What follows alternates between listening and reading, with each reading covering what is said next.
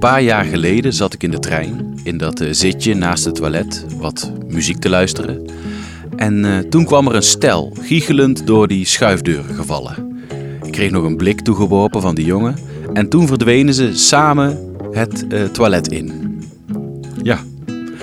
Nou goed, ik kon natuurlijk ergens wel raden wat zich daar afspeelde. En na een tijdje kon ik het toch ook echt niet laten om even mijn muziek op pauze te zetten. Ja, en toen bleek dat ik gelijk had. Zat ik daar, toch enigszins gegeneerd, alleen, op nog geen twee meter afstand van. eh, En toen schoot ook ineens door mijn hoofd: Oh, maar wacht, zometeen dan, dan zijn ze klaar. En komen ze weer naar buiten. En dan zit ik hier. En, en, zij weten dat ik alles. eh, Dat wordt heel raar. Dames en heren, welkom bij Luisterruit, de NS-podcast voor in de trein. Met mooie verhalen over één thema maken wij van jouw ritje in de trein een reis. Yes, ik ben Thijs en deze aflevering gaat over het meest onvermijdelijke thema dat er bestaat: de liefde. Ja, de liefde. Kan prachtig zijn, maar ook nogal pijnlijk. Dus zak maar even lekker onderuit op de bank, laat het landschap aan je voorbij glijden of beter nog, staar die leuke persoon bij jou in de coupé of waar je dan ook bent even diep in de ogen en luister naar de verhalen over bijvoorbeeld Mojo. Je hebt hem of je hebt hem niet. Als je je mojo heel erg hebt en je staat ergens stil zelfs, je hoeft niet eens te dansen, dat eh, de vrouwen dan eh, gewoon zo op je afkomen. Over horror dates. Wat gebeurt er? Pakt hij zijn snurkbeugel erbij. Dan ga je voor het eerst bij iemand slapen en dan doe je je snurkbeugel in. En over intense treinliefde. Misschien is het wel een van de redenen waarom we nog steeds bij elkaar zijn, omdat dit een van de dingen is die ons verbindt. Maar eerst het verhaal van Marion en Bertje. Het begon zo mooi. Stoere Bert, blond, gespierd. Hij zeilde, hij voetbalde en hij vond mij geweldig. Ik was 15, hij 16 en eh, tijdens mijn eerste tienertourvakantie met vriendinnen door het hele land. Nou, daar deed je alles wat God verboden had en je ouders niet wisten, in kroegen hangen. Eh, zeggen dat je naar de dierentuin ging. Nou, ik heb geen dierentuin van binnen gezien. En eh, Enkhuizen leek ons een leuk idyllisch stadje, dus zo kwamen we ook daar terecht. Met een tentje op de camping. En daar was hij. Mijn allereerste hele grote liefde.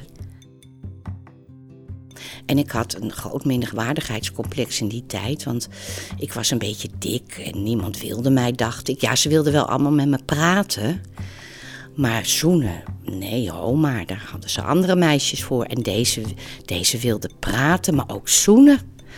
Dus ik was echt hotel de boter. Het was helemaal je van het.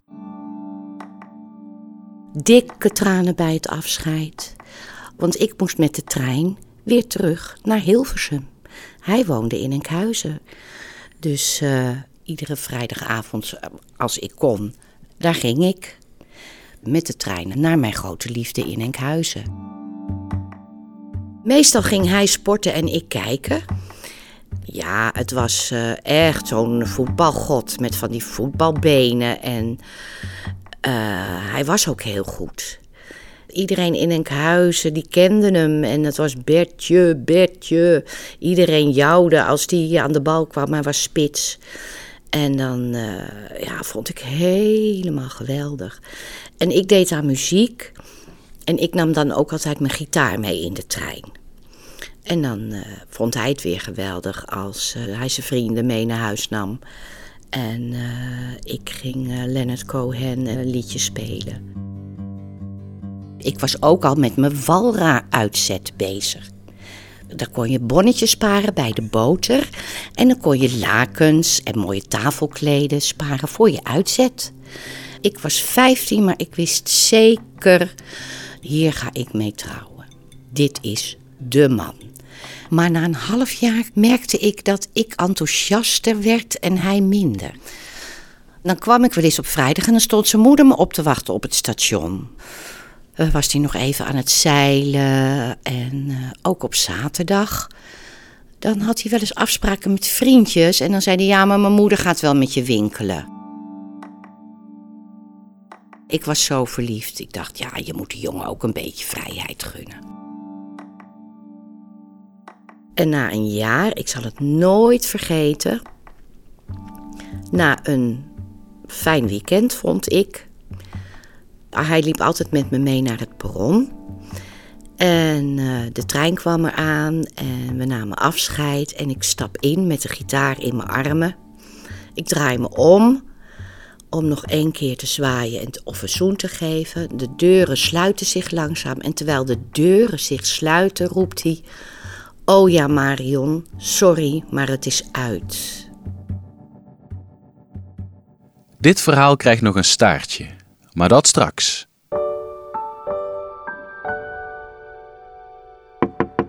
Luister uit. Ik wil met je praten over romantiek.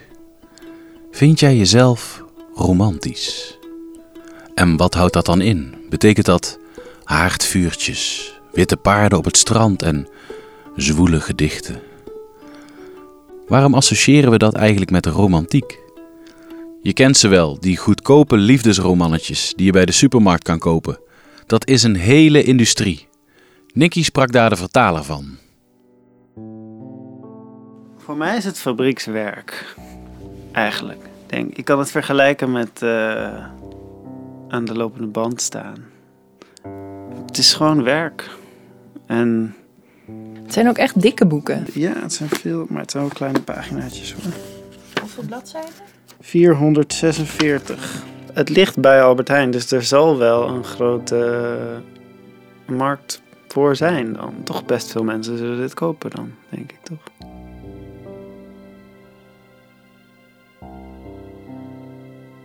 Het een standaard verhaal is een beetje dat er een vrouw is met een ingewikkeld verleden in de liefde. En nu wordt ze verliefd op een man die ze eigenlijk of eng vindt of die ze vreselijk irritant vindt. Maar door omstandigheden worden ze tot elkaar veroordeeld. En dan blijkt dat het wederzijds is.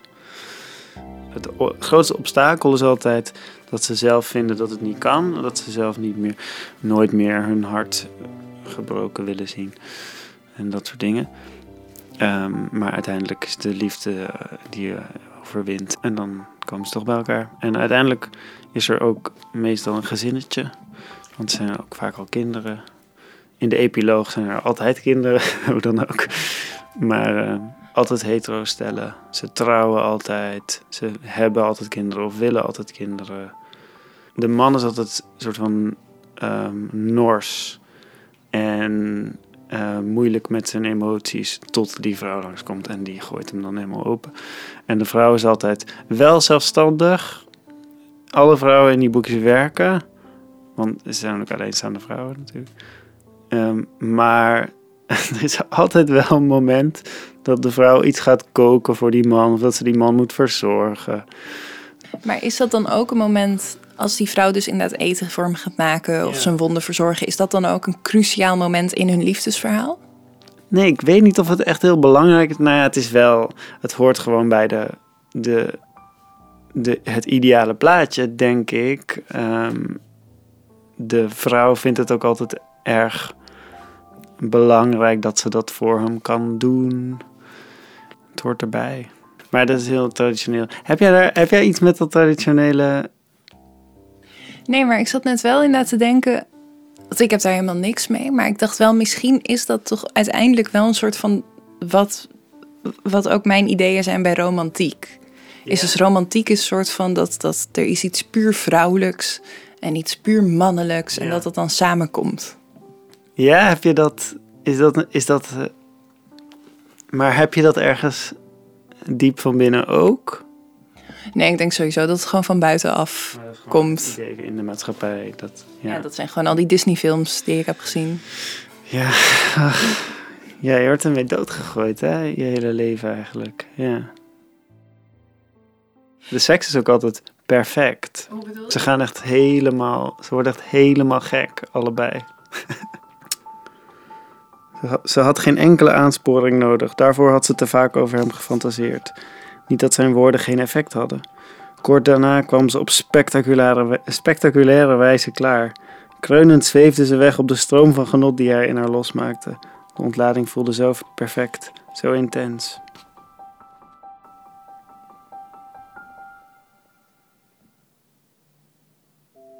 Stel nou dat, dat, ja, dat mensen alleen maar dit soort boekjes lezen. Wat, wat is dan de grote les van wat is liefde volgens dit soort romannetjes?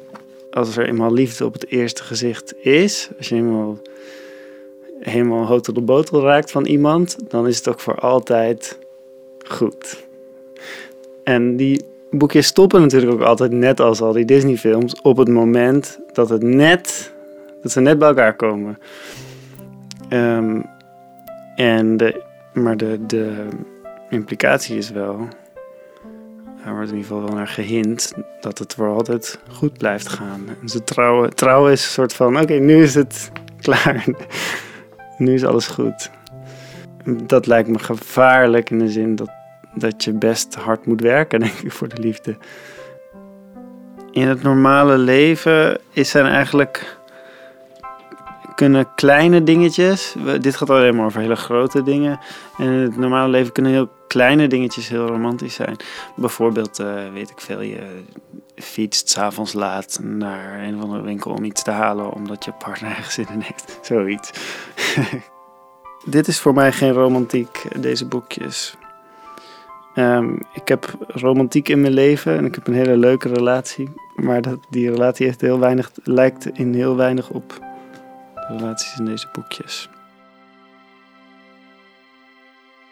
Volgens mij vervullen die boekjes en series en liedjes een behoefte.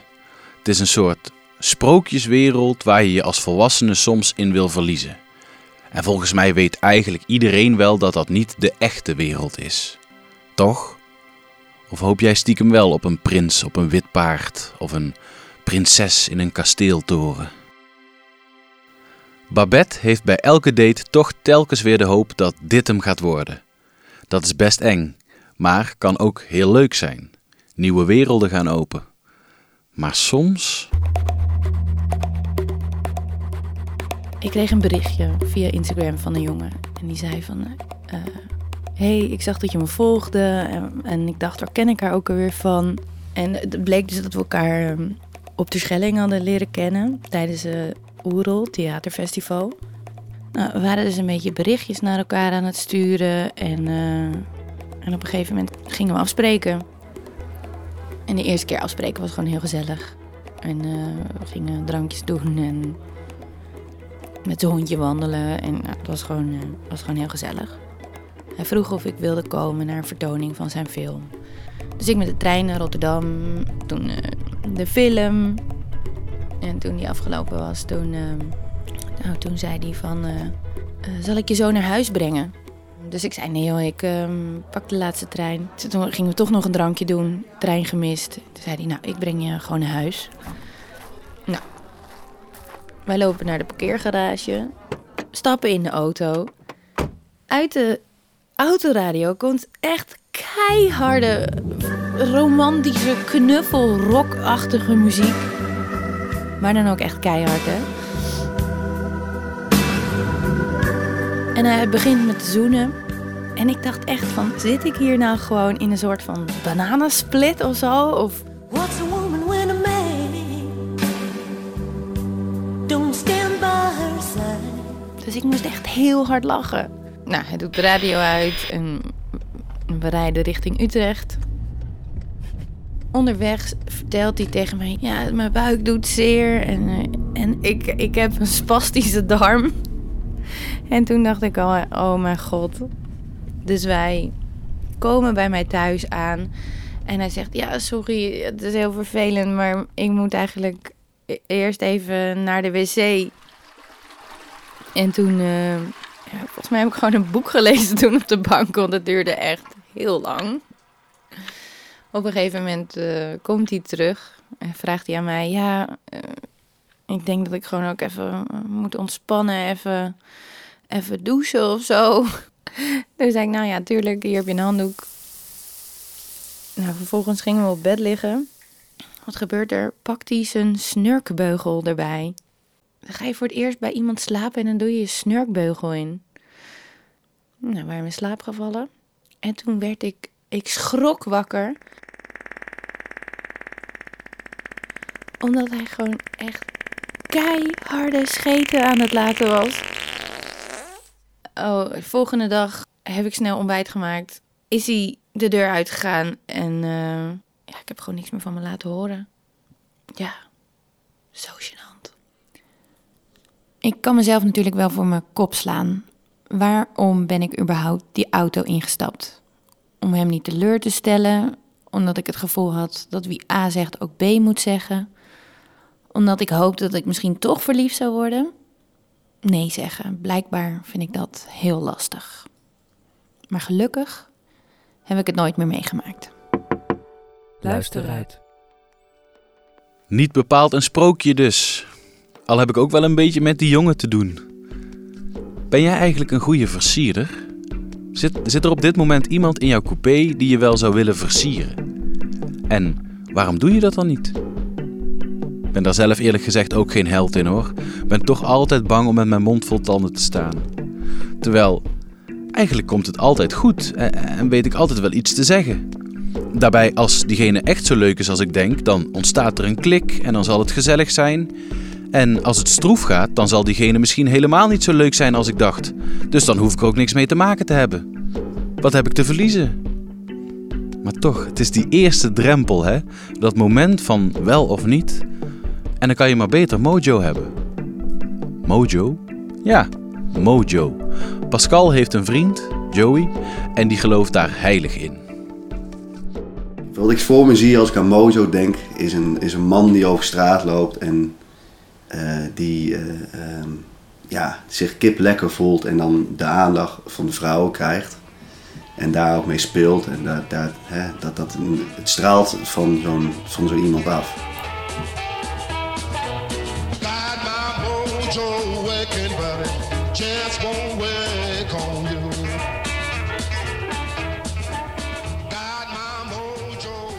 Mojo ontstaat meestal doordat je ja, op het moment dat je zelf goed in je vel zit of je hebt een eh, leuke gebeurtenis gehad. eh, of hebt een goede periode. En eh, wanneer je dus niet bezig bent met, ja, met, met, met dat je, in mijn geval, dat je met, echt met vrouwen bezig bent, dan gebeurt het meestal. En het beste is natuurlijk als je een avond eh, met een vrouw eh, in bed bent gedoken. En de volgende dag dan eh, kan je niet meer stuk.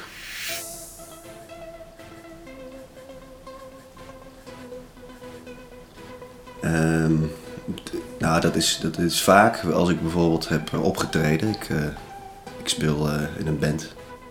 Ja, en als je dan gespeeld hebt en je hebt er goed gespeeld en je hebt de zaal meegekregen, dan heb je een, een, eh, grote zelfverzekerdheid. Tenminste, ik heb dat. Ja, dat was bijvoorbeeld eentje die heel sterk was. Was eh, op een avond dat wij eh, onze plaat uitbrachten. Dus dat is natuurlijk al sowieso een hoogtepunt, omdat je daar lang naartoe hebt gewerkt. En, eh, daarna was ook een, eh, feestje in dezelfde zaal. En eh, toen eh, liep ik met eh, mijn eh, trombonist liep ik, eh, de zaal rond. En eh, ja, je voelt de, de aandacht op je, op je afkomen. Dat is, eh, ja, kijk, daar kun je niet omheen. Dat is eh, lekker. Eh, ja, op een gegeven moment zit je er zo in en dan, dan voel je gewoon die aura om je heen hangen. Dat, dat, ja, dat is zeg maar de mojo.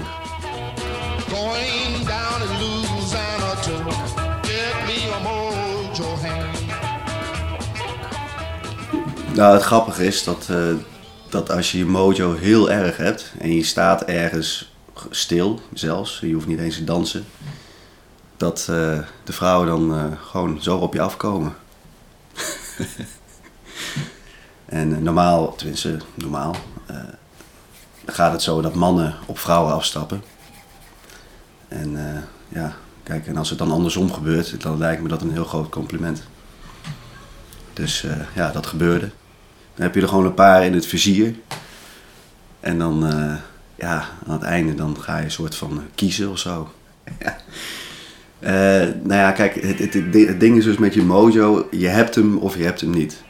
En ik heb ook wel eens mee, eh, avonden meegemaakt dat je, dat je hem gewoon niet hebt. Dat je hem probeert te vinden en dat je dan maar, hoe zeg je dat, ongeïnteresseerd probeert te doen.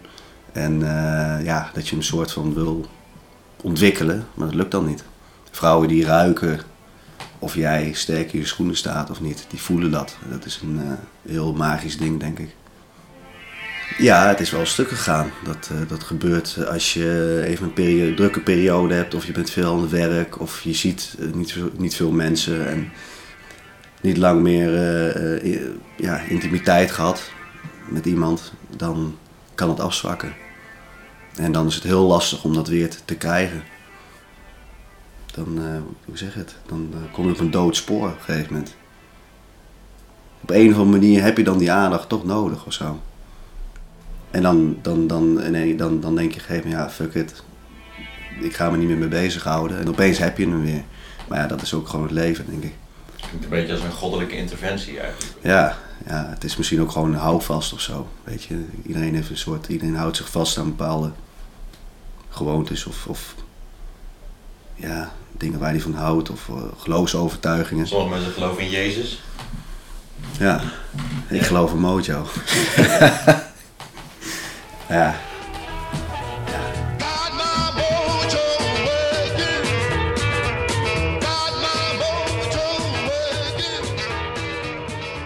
Ja, het gaat nu steeds over prille liefdes, dates, verliefdheid. Maar daarna, hoe doe je dat eigenlijk? Lang bij elkaar blijven, want dat lijkt steeds zeldzamer te worden. Ati en Jan uit Vogelenzang zijn al bijna 50 jaar samen.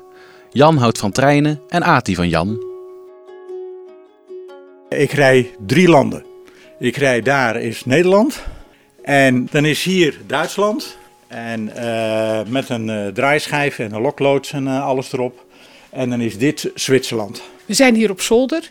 Eh, nou, eigenlijk alles wat, met, wat hier hangt en staat en ligt, heeft met treinen te maken. De zolder is eh 5 bij 6 meter. Eh, daar ligt een U in. Een U waar je in kan lopen. Hij bestaat uit één hele grote ring. Dubbelsporig alles. Het is allemaal Merklin digitaal. De meest nieuwe versie, versie 3.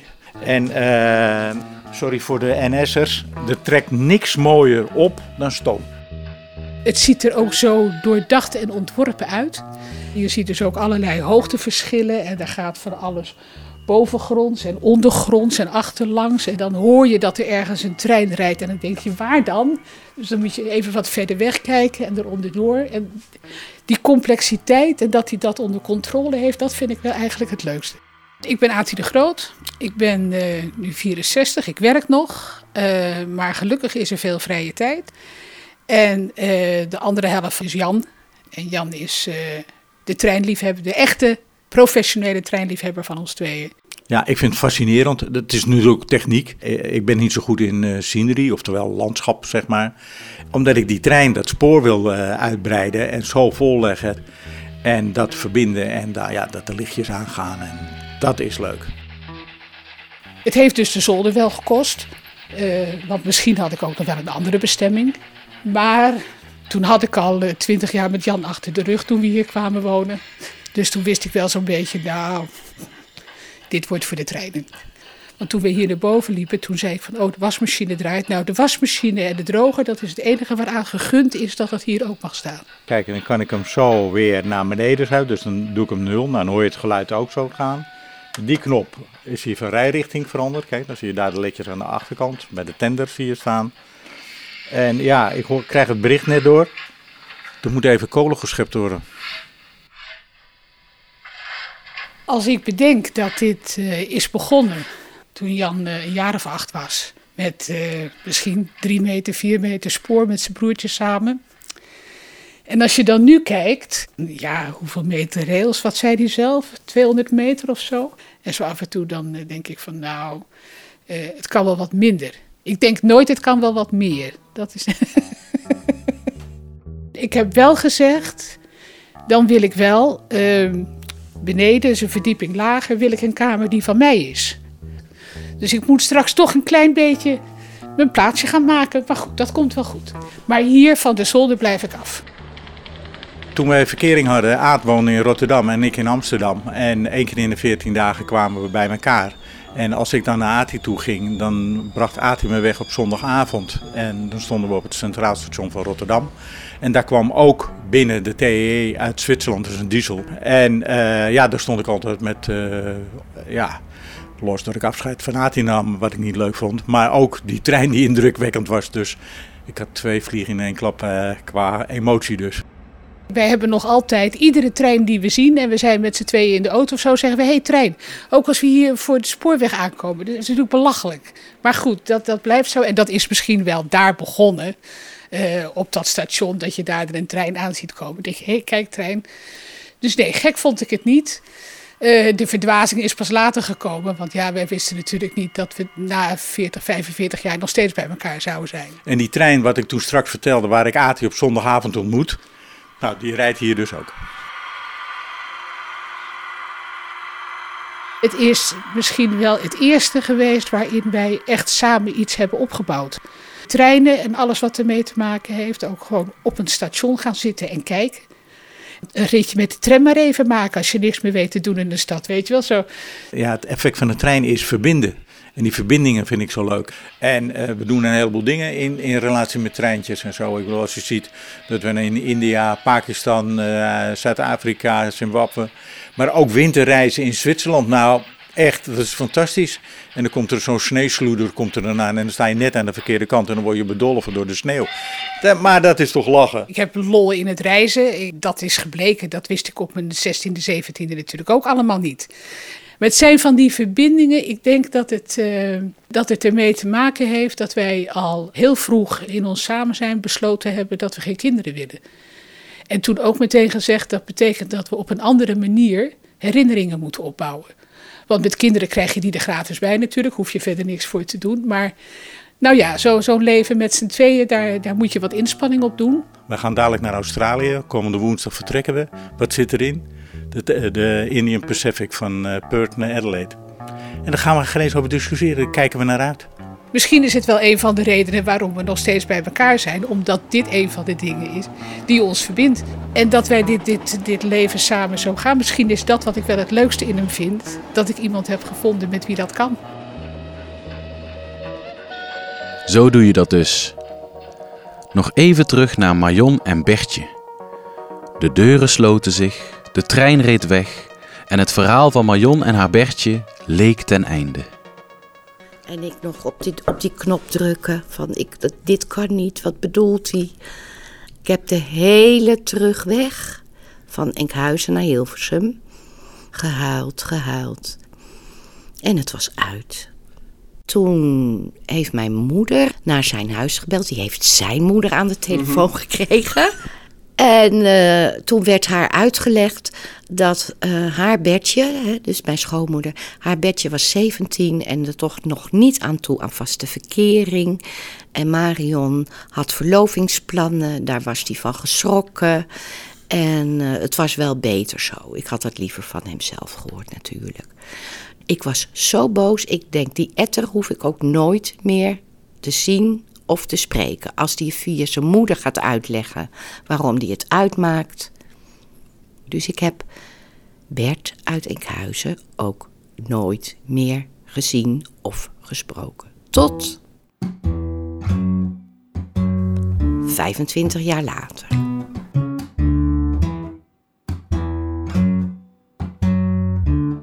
Ik was toen al 15 jaar alleen na een niet geslaagd huwelijk ik had het heel goed alleen als alleenstaande ouder.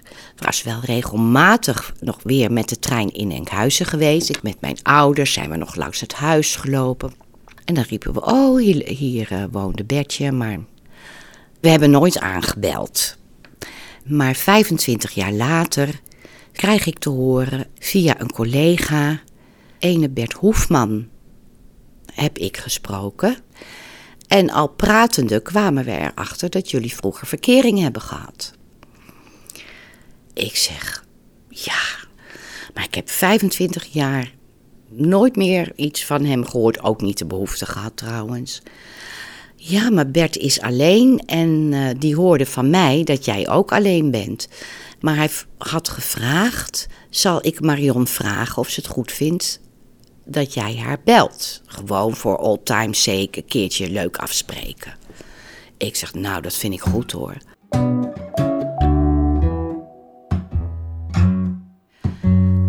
Er is nog een half jaar overheen gegaan voordat Bert een keer bij mij op visite kwam.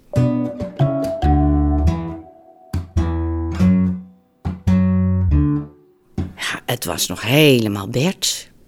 Mijn Bertje van inmiddels 42. Hij had ook kinderen, twee en ik één. En eh, we hebben allemaal oude herinneringen opgehaald. Eh, dat perron, dat stond natuurlijk ook nog in zijn geheugen eh, gegrift. En we hebben een hele leuke avond gehad. Hij is naar huis gegaan. En ik denk, niet doen, niet doen. Je bent nu 15 jaar alleen. Je hebt het goed zo. Je had geen zin meer in van een ander sokken oprapen en eh, studiosport op zondagavond. Je vond het toch zo fijn om alleen te zijn.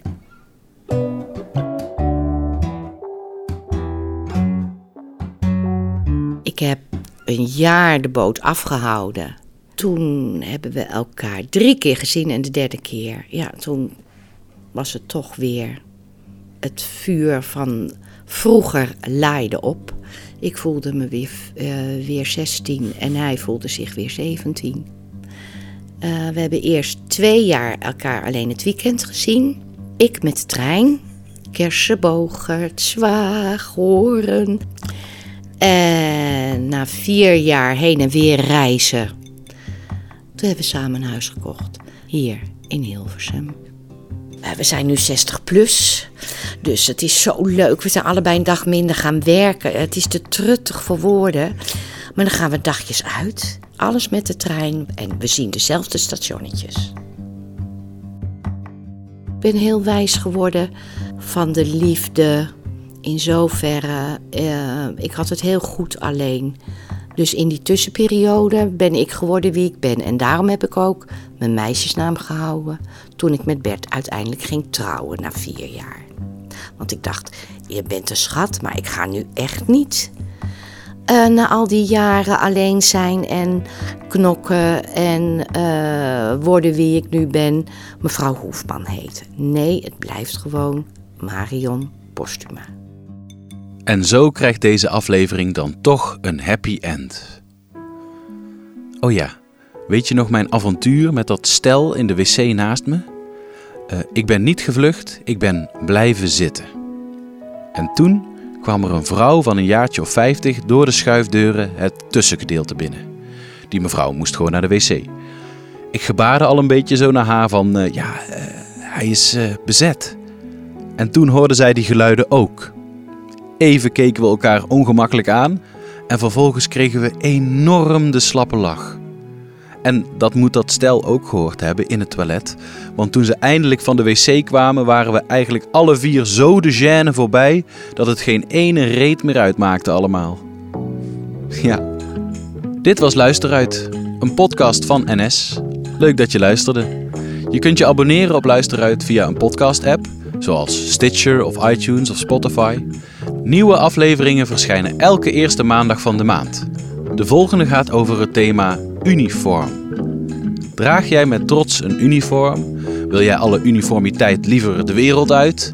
Of wil jij gewoon nog even iets kwijt over je laatste verovering? Mail me dan vooral op thijs.luisteruit.nl Oh ja, en tof als je een rating achterlaat voor deze podcast. Tot de volgende!